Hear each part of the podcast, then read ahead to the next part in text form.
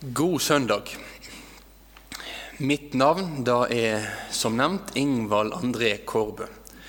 For mange er nok jeg et eh, ansikt det kjenner, og et, kanskje ei hånd det har tatt i, og ei stemme det har hørt. Men eh, det er noe greit uansett når en er på en talerstol og ser ut ved en forsamling og sier noe om hvem jeg er. Jeg har da privilegiet å være gift med Camilla. Og så har vi ei jente på snart to år. Nei, to og et halvt år. det er jo. Begynner å gå i surr allerede. Hun heter Amalie. Og så har Camilla en liten gutt i magen som vi gleder oss til å få møte sånn i midten av desember, om Herren vil. Vi håper han venter så lenge. Det er min eh, bakgrunn. Jeg bor i Øygarden, der jeg er født og oppvokst. Og så arbeider jeg til daglig i P7 Kristen Riksradio. Der er min oppgave i veldig stor grad å produsere ulike lyd- og videoressurser. Og det er i stor grad kristen forkynnelse. For P7s siktemål det har vært hele veien, og det er fortsatt i dag, at vi vil forkynne de gode nyhetene om Jesus Kristus, sånn at varig frukt skapes. Det er mye som kan være godt og edelt og fint å si noe om, men til skynd og sist så tror vi at det er evangeliet som er Guds kraft til frelse. Det er ordet om korset vi trenger å høre. Vi ønsker å løfte fram en hel bibel med det som står der, fordi vi til skynd og sist òg er overbevist om at i vår tid i dag så er det det ordet som står. Så er det det ordet som gjelder. Så er det det ordet som vi trenger. Og vi ønsker å bruke medier, om det er radio, TV, Internett, til å nå ut med dette budskapet her. Og Da vil jeg bare si for, for det som eh, har et syn for mediemisjonsarbeidet, så er det òg hjertelig velkommen til å kunne være med og bære dette arbeidet. Husk på å be for det. Det er en som ikke vil at det ordet skal nå ut. Og Om det har syn for det, ønsker å være med og støtte arbeidet økonomisk òg, så er vi takknemlige for det. Det er en krevjende økonomi, men vi er takknemlige for alle gode P7-venner som er. Nå skal ikke jeg si så mye mer om P7, det pirker noe borti meg hvis jeg vil snakke mer om det på et annet tidspunkt. Dagens preiketekst i dag den er henta fra Bergpreika. Vi har allerede gjennom lesetekstene den ene fra Salmenes bok og framfor alt fra, epistelteksten fra Galaterbrevet, som har fått hørt at det emnet som egentlig i dag blir adressert, det har å gjøre med vandringen med Kristus, vandringen med Herren i hverdagen. Og Det er egentlig det emnet også, som jo bergpreika i stor grad dreier seg om. Jesus som tar til side sine læresveiner for å gi dem opplæring og veiledning både i hvem Jesus er, men òg hva hans vilje er. Overskriften på talen i dag har jeg kalt for 'et annerledesliv'. Og det Ordet 'annerledes' kommer jeg til å nevne mange ganger. og Da må jeg ha en liten sånn her stjerne i starten. Selv om Jon Foss har fått eh, litteraturprisen av Nobel, så er jo dette med nynorsk ikke alltid så lett. Så når jeg sier 'annerledes', så betyr det 'annerledes'. Så hvis det blingse der underveis, husk på det. Et annerledes liv. Det er da til sjuende og sist den teksten som vi nå skal gå inn på, handler om. At Jesus kaller sine læresveiner til et annerledes liv. For det å være en Jesu Kristi etterfølger, det er å være annerledes. Ofte kan vi knytte denne annerledesheten til ytre ting, til ulike kulturelle markører i den ene eller andre leiren, at vi tenker at det er da annerledesheten handler om. Men i dagens tekst og i bergpreika generelt så viser Herren Jesus hvordan denne annerledesheten ja, den går ofte så ufattelig mye dypere og strekker seg så mye bredere enn noen kulturelle markører. Det er tre hovedpunkt vi skal innom. Vi skal se på en annerledes rettferdighet. Vi skal se på en annerledes tale, og vi skal se på et annerledes sinnelag som Jesus kaller sine læresvenner til. Men la oss nå høre dagens evangelietekst ifra Matteus 5, og vers 20 til 26.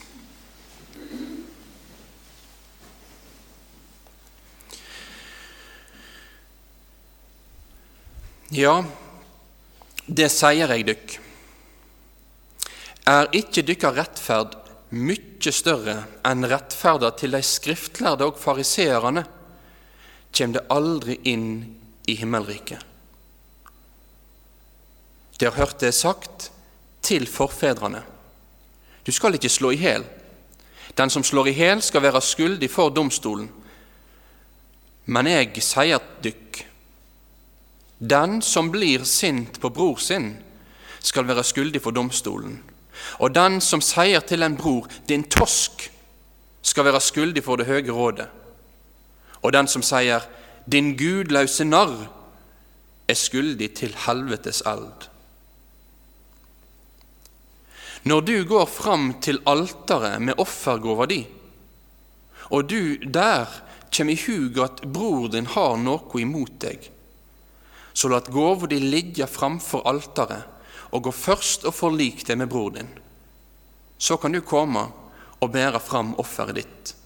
Vær snar til å forlike deg med motparten din medan du er med han på veien. Ellers stemner han deg for dommeren, og dommeren gir deg over til vaktmannen, og du blir kasta i fengsel. Sannelig, jeg sier deg, du slapp ikke ut att før du har betalt til siste øre. Slik lyder Herrens ord.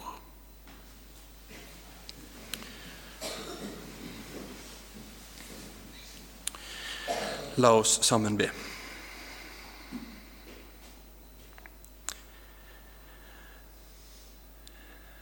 Herre Jesus. Takk for de ordene dine som vi nå har fått hørt og fått lest. Og nå ber vi, Herre, om at du ved din ånd kan få komme og gjøre disse ordene levende for oss. La oss ikke gjemme oss, skjule oss eller prøve på en eller annen måte stille oss utenfor disse ordene. Men Herre, la de se at det gjelder meg og mitt liv og min neste.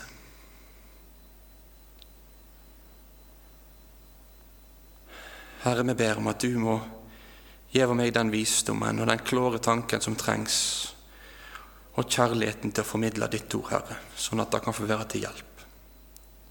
Og åpne hjertene og ørene til de som lytter. I ditt gode navn ber vi om det, Jesus. Amen.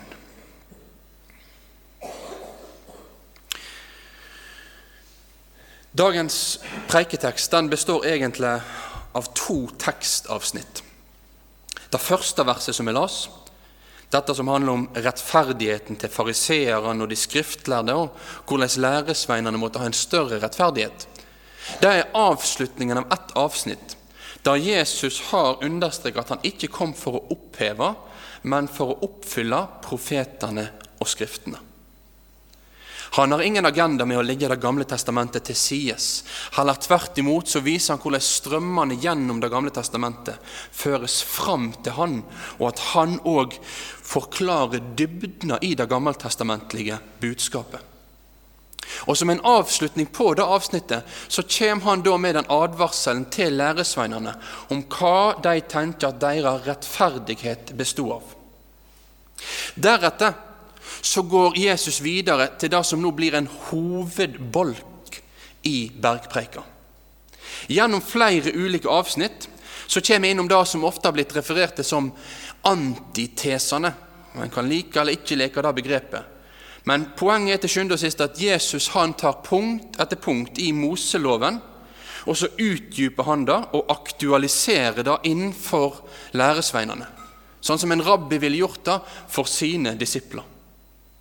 Så vi står egentlig ved slutten av ett avsnitt og starten av et annet. Vi har avslutningen på dette som har å gjøre med Jesus og loven, og så har vi starten av Jesu utbrodering av loven for sine læresveiner. Der han konkret tar tak i det femte budet, at den ikke skal slå i hjel, og hva konsekvensene er av det. Men la oss begynne med det første. Det første som vi las, Jesu ord, der han sier til sine læresveiner, er ikke deres rettferd mye større enn rettferda til de skriftlærde og fariseerne, kjem det aldri inn i himmelriket. Dette er en radikal advarsel. Jesu ord her er ikke noen ord der han sier at hvis ikke deres rettferdighet er større enn fariseerne sin, så går det kanskje galt. Nei, her handler dette om å komme inn i himmelriket. Jesu ord og Jesu veiledning i bergpreika kommer med den største tyngden. Han vil understreke noe for de som hørte dette første gang, og for oss som lever i dag, at fariseerne sin rettferdighet duger ikke. Det er noe annet som må til. Det er en annerledes rettferdighet som må være der hvis et menneske skal komme inn i himmelens rike. Og for de som hørte dette første gangen, så må dette ha vært ganske oppsiktsvekkende. En må få et bakoversveis. For oss som lever i dag, så har ordet fariseer en negativ konnotasjon, for da at vi først og fremst kjenner dem fra Jesu advarsel og Jesu ord om fariseerne. Men vi må huske på hvem fariseerne og hvem de skriftlærde var. De skriftlærde da var de religiøse underviserne. Vi kan kalle dem kanskje teologene. De som hadde ansvaret for å lære folket opp i loven og hva som sto der. De som hadde greie på Det gamle testamentet. Og fariseerne, dette partiet her, ja, det var jo, det var jo et, et, en retning innen jødedommen som, som ser ut til å ha vilja, vilja framheve seg sjøl på bakgrunn av sin fromhet. Dette var de, de, fromme jødene som ville gå i spissen og dra med seg resten av folket i sin ytre tilbedelse. Gjennom å være gode forbilder, sunne forbilder, vise veien i hvordan er det et godt liv med Herren skal leves.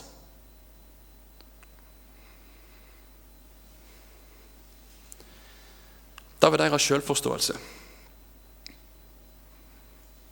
Men Jesus sier her, og Jesus understreker her, at ikke engang disse, ikke engang dette beste av menneskelig fromhet, ytre sett kunne gi inngang til Guds rike.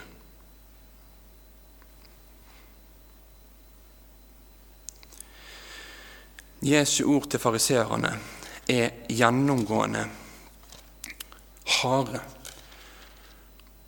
Han har et helt kapittel i Matteus 23 der han kommer sine vedrop over fariseerne. Og I den sammenhengen så står det i vers 27 i Matteus 23 ved dykk, skriftlærde og fariseere, det er hyklere. Det likner hvitkalka grave. Utapå er de fine å se på, men inni er de fulle av dauingbein og all slags uregnskap.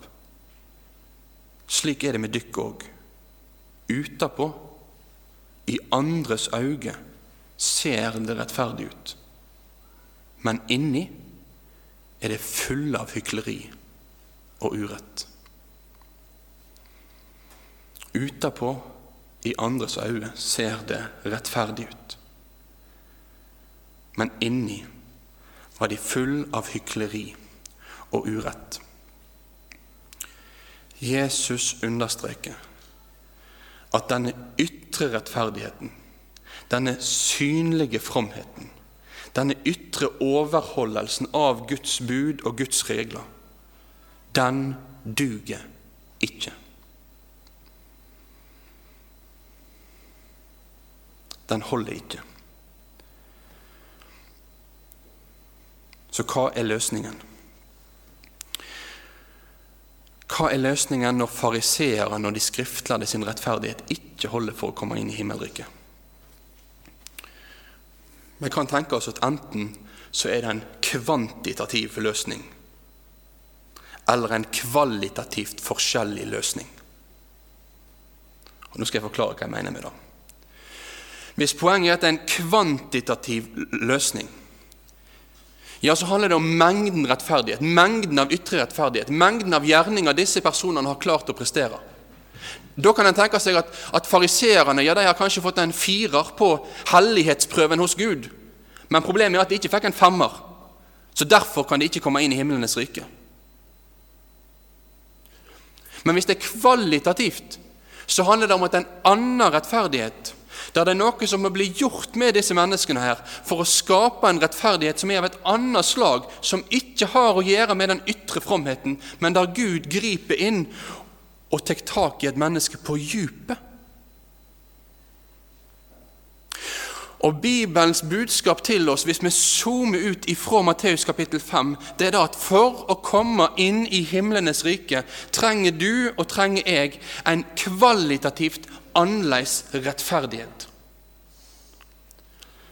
Vi trenger en kvalitativt annerledes rettferdighet som blir gitt oss, som Gud gjev oss, som vi får del i ved trua på Jesus Kristus. Romerbrevet kapittel 3 og vers 21 forteller oss at nå er Guds rettferd, som lov og profetene vitner om, åpenbæra utenom loven.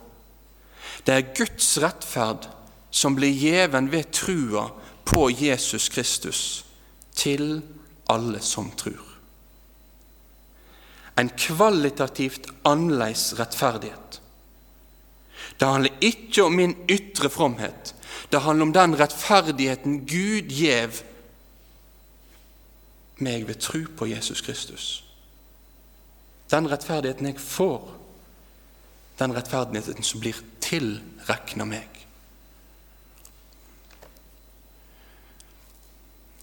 Poenget i Matteus 5 er ikke du må sørge for å være mer rettferdig i deg sjøl.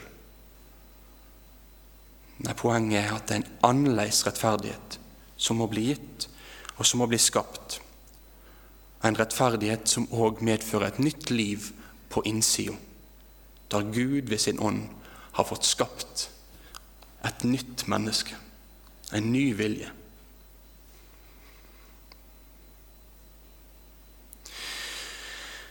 Det var det første punktet. En annerledes rettferdighet. Det neste punktet det har å gjøre med ei annerledes tunge. For etter at Jesus har, forest, eh, etter at Jesus har beskrevet at det er en fromhet som går mye dypere og mye lenger enn fariseeren i sin fromhet, den annerledes type rettferdighet mennesket trenger, så går nå Jesus videre til å vise sin vilje, sin vilje for sitt folk, og hvordan han kaller oss til å være og til å leve. Og Da ser vi at Jesu vilje for våre liv den strekker seg også mye dypere. Han har en annerledes og en dypere utlegging av dette femte budet. Jesus motsier seg ikke bud, han motsier seg ikke loven. Det er ikke sånn at disse antitesene handler om at Jesus sier at ja, du skal ikke drepe, men, men jeg sier det er noe helt annet. Nei, Tvert imot så, så understreker han at det å drepe det har òg mange andre konnotasjoner og ringvirkninger med seg. Det handler ikke kun om hva jeg gjør med sverdet jeg har i hånda, men også med det sverdet jeg har mellom leppene mine, ordene mine og sinnet mitt. Og det er det Herren nå går inn på. Han beskriver at da å slå i hæl det kan òg handle om vårt sinne overfor våre medmennesker og våre ord som ødelegger våre medmennesker.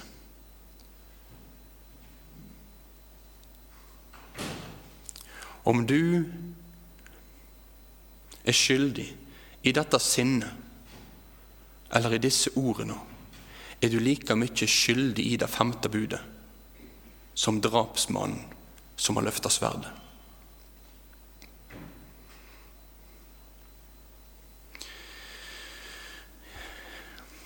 Jesus begynner med sinne. Den som blir sint på bror sin, skal være skyldig for domstolen.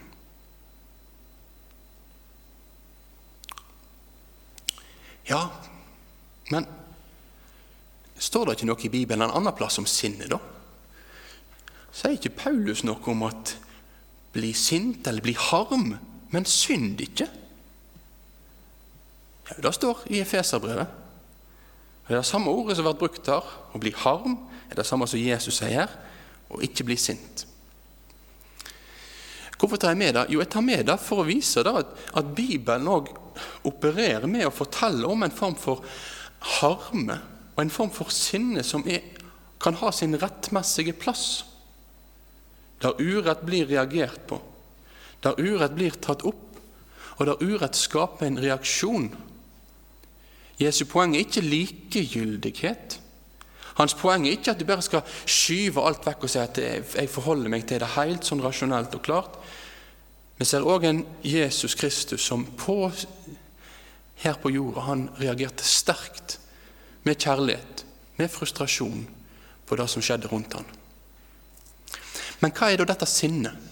Hva er det sinnet som det her er snakk om? Jo, her er det snakk om at når jeg blir sint,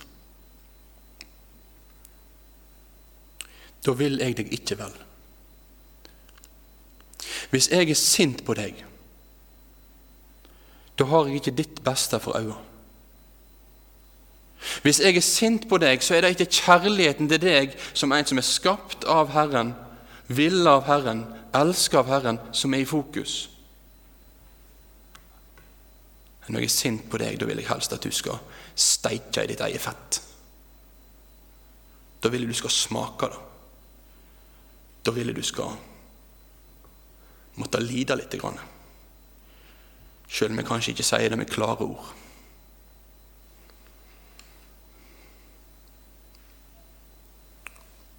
Sinne er uforenlig med nestekjærlighet. Det er det. Og så er det sånn at sinnet da fører også ofte til en tale. Det er ikke bare at jeg sitter borti et hjørne og bobler for meg sjøl inni mitt hjerte. Men det er òg at sinnet fører til at jeg begynner å spre om meg med ord som ødelegger, som sårer, ja, ord som er destruktive. Jesus han bruker to ulike begrep. Han snakker om din tosk og han snakker om din gudløse narr. Og Det kan være mulig å skilje betydningsnyanser i disse ordene. Poengene er ikke ordene i seg sjøl. Du kan ikke si 'jeg kalte deg idiot og ikke tosk', så derfor er jeg innafor her. Nei, det er ikke det det går på. Poenget her er at en bruker nedsettende betegnelser om brødre og søstre. Poenget her er at en bruker stemma si til å trakke på andre bruker stemma si til å heve seg sjøl opp og stikke andre inn i deres liv. Ja, det kan bli sagt i affekt. Ja, det kan bli sagt i sinne. Ja, Du kan si etterpå 'jeg mente det ikke', men til sjuende og sist, når du har sagt det, så er pilen skutt ut der. Og det såret som er påført, det er ikke uten videre så lett at det blir lekt første sekundet. Det er alvorlig å bruke nedsettende ord om andre mennesker. Det er alvorlig. Om det er ansikt til ansikt, når jeg sier det rett til deg. Om det er bak din rygg, når jeg sier det til kameratene eller ektefellen min. Eller om det er i kommentarfeltet på Internett, når jeg kjenner at jeg ikke kan slå meg løs og svinge storslegga. Det er alvorlig.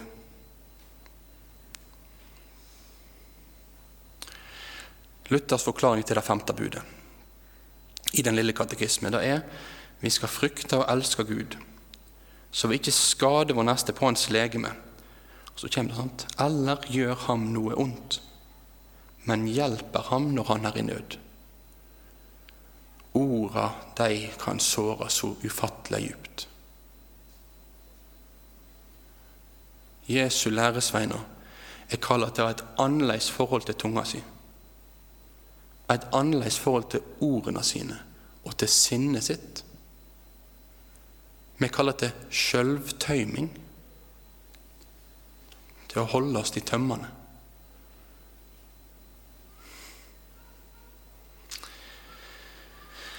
Herren kaller deg, du som tror på Han, en annen vei. La oss gå videre til det siste punktet. Et annerledes sinnelag. For Etter at Jesus har beskrevet dette med talen, så går han videre til å si ok, det er òg en annen side ved det femte budet. Det femte budet handler om vårt sinne, det handler om hva vi sier, det som vi kan si i effekt. Men hva da når vi faktisk har gått over streken? Hva når jeg faktisk har ødelagt for en annen person? Når ordene har flydd? Når frustrasjonen har vært stor, hva skal jeg da gjøre når jeg har såret og krenka et av mine medmennesker? Ja, Da kommer Jesus i de neste versene her med en konkret veiledning om det. Når du går fram til alteret med offergrava di, og du der kjem i hug at bror din har noe imot deg, så la gåva di ligge framfor alteret, og gå først og forlik deg med bror din. Dette er sagt innenfor rammen av Det gamle testamentet.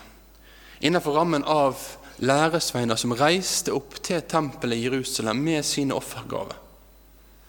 Der det var senteret for deres tilbedelse, der de fikk komme fram for den hellige Gud. Og så er nå denne påminnelsen her det er en påminnelse av at når vi kommer fram for den hellige Gud, så kan ikke vårt forhold til vår neste bare bli sjalta helt ut på utsida. Vi kan ikke tenke at jeg lever, som, jeg lever, med Herren, og da har jeg det så godt og fortrolig. Men han der idioten av en nabo som jeg har, han skal jeg sørge for at når jeg kommer hjem, at han skal få smake. Du kan ikke holde på sånn. Det går ikke. Herren Jesus her, han, han understreker at, at, vårt forhold til Herren Det har òg noe å si for hvordan vi ser på vårt medmenneske. Så når læresveinene kom fram for den hellige Gud, så var det òg en påminner til dem å stille seg spørsmålet hvordan har jeg det med mine medmennesker? Hvordan har jeg det med de som står rundt meg? Og da kommer det konkrete her. Kommer du da i hu at bror din har noe imot deg, ja, så skal du ta det opp. Her må jeg komme med et par presiseringer. Her er det et par viktige sånn, grenseoppdraginger som må takast. For det første det er viktig å fastholde, spesielt overfor den vare, ja kanskje oversensitive samvittigheten, at det det er snakk om her, det er når bror din har noe imot deg på grunn av ei synd som du faktisk har begått. Her er det snakk om at du har gjort noe som objektivt sett er galt ut ifra Guds ord, og at du derfor må komme i ydmykhet og erkjenne din synd. Dette sier jeg fordi det kan være at mennesket blir dreven av et sånt vers det hele veien leter etter et eller annet jeg må beklage for. Og så springer mennesket rundt og beklager til sine medmennesker for ting som faktisk i seg sjøl ikke er galt. Og så kan et sånt vers at dette blir en ytterligere byrde for den oversensitive samvittigheten, der en tenker at jeg må, jeg må sørge for å bekjenne dette her igjen og igjen og igjen. Det er ikke det som er poenget. Her er det snakk om reell synd som du har gjort overfor din neste. Det er da du er kalt til å komme fram med. Det er det andre. Det, neste, nei, første, det andre jeg vil nevne, det er det at vi skal merke oss at målet for at jeg får legge kortene på bordet, erkjenne min synd overfor min bror Målet for det, det er forlikelse. At da det har vært ufred, at det igjen kan bli fred. Dette er mål, Men du eller jeg kan ikke tvinge det målet fram. Jeg kan ikke gå til deg og si Jeg gjorde galt. Jeg kalte deg for en tosk, og det skulle jeg ikke ha gjort. Og så sier jeg til deg, så nå må du jammen meg tilgi meg. Jeg styrer ikke over den andres reaksjon. Jeg kan ikke gå til den andre og si nå må du bare glemme dette, her, for jeg har jo bekjent deg nå. Jeg har såret deg, jeg har krenka deg, men nå, nå må du komme videre. Vi er ulike som mennesker, og sår kan ta lang tid å lege. Ja, det kan ta hele livet.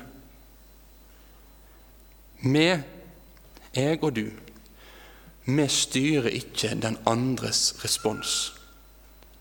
Vi kan bli møtt med åpne armer. Vi kan bli møtt med frustrerte skrik. Dette er utenfor vår kontroll. Men det du og jeg er kalt til å gjøre, det er at når vi vet om at vi har gjort galt vår, mot vår neste, da er vårt ansvar å bære vårt ansvar. Da er ditt ansvar å løfte hånda og si at 'her gjorde jeg feil'. Dette skulle ikke jeg gjort. Dette skulle ikke jeg sagt. Det var galt av meg.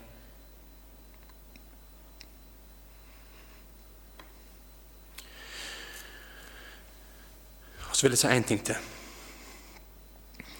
Og det er at når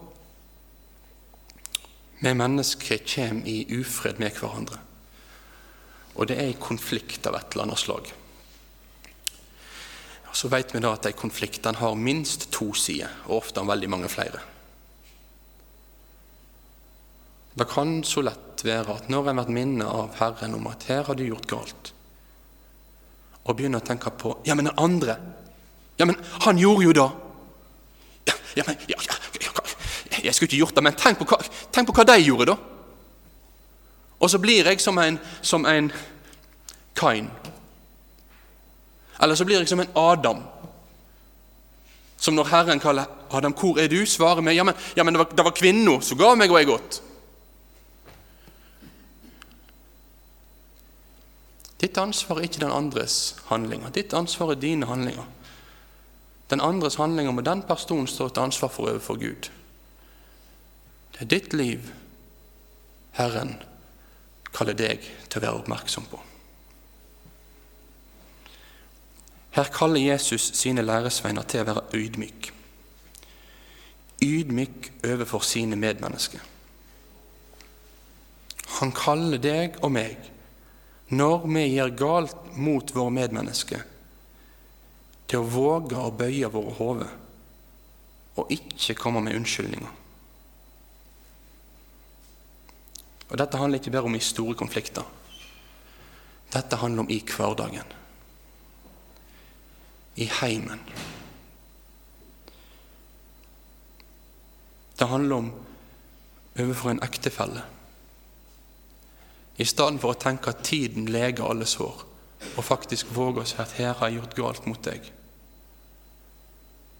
Overfor ens barn. Når jeg vet at 'dette her skulle jeg ikke gjort mot deg, barnet mitt', om det er en toåring eller en 25-åring. Overfor en kollega. Å kunne sett at 'dette her var ikke rett'. Overfor en nabo. Inn i vår hverdag.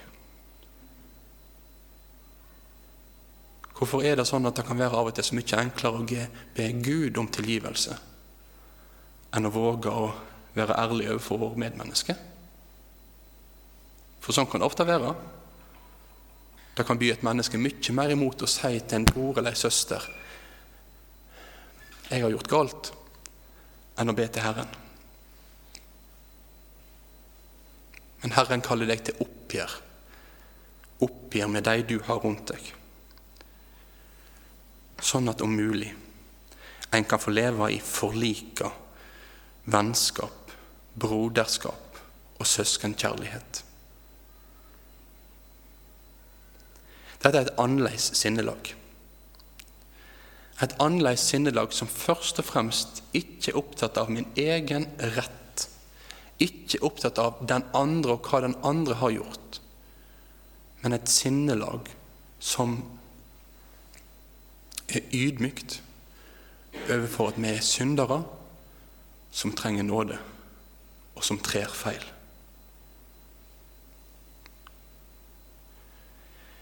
I Bergpreika sitt budskap så utlegger Jesus Moseloven radikalt. Han lodder djupt når han forklarer dette her. Og det er få andre tekster i Bibelen som når vi leser disse her, så tydelig avslører og tydeliggjør behovet vårt for en annen rettferdighet som strekker seg ut over våre fromme gjerninger. Loven driver oss til erkjennelse av synd, erkjennelse av vårt behov for Jesus Kristus. Og for den som får eie denne tilgivelsen, får eie denne rettferdigheten, så står fortsatt budet der. Så viser fortsatt Herren vei i sitt ord. Så sier han fortsatt til sine læresveiner dette sinnelaget og denne tunga er det jeg vil at du skal ha i din hverdag. La oss be.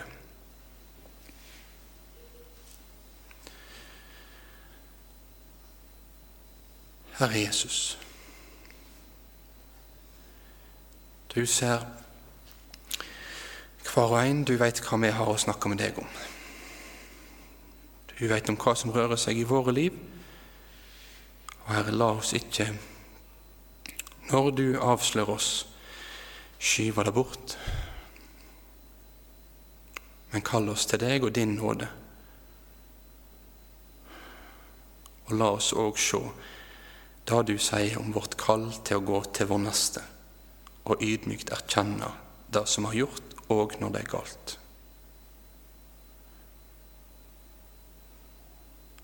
Amen.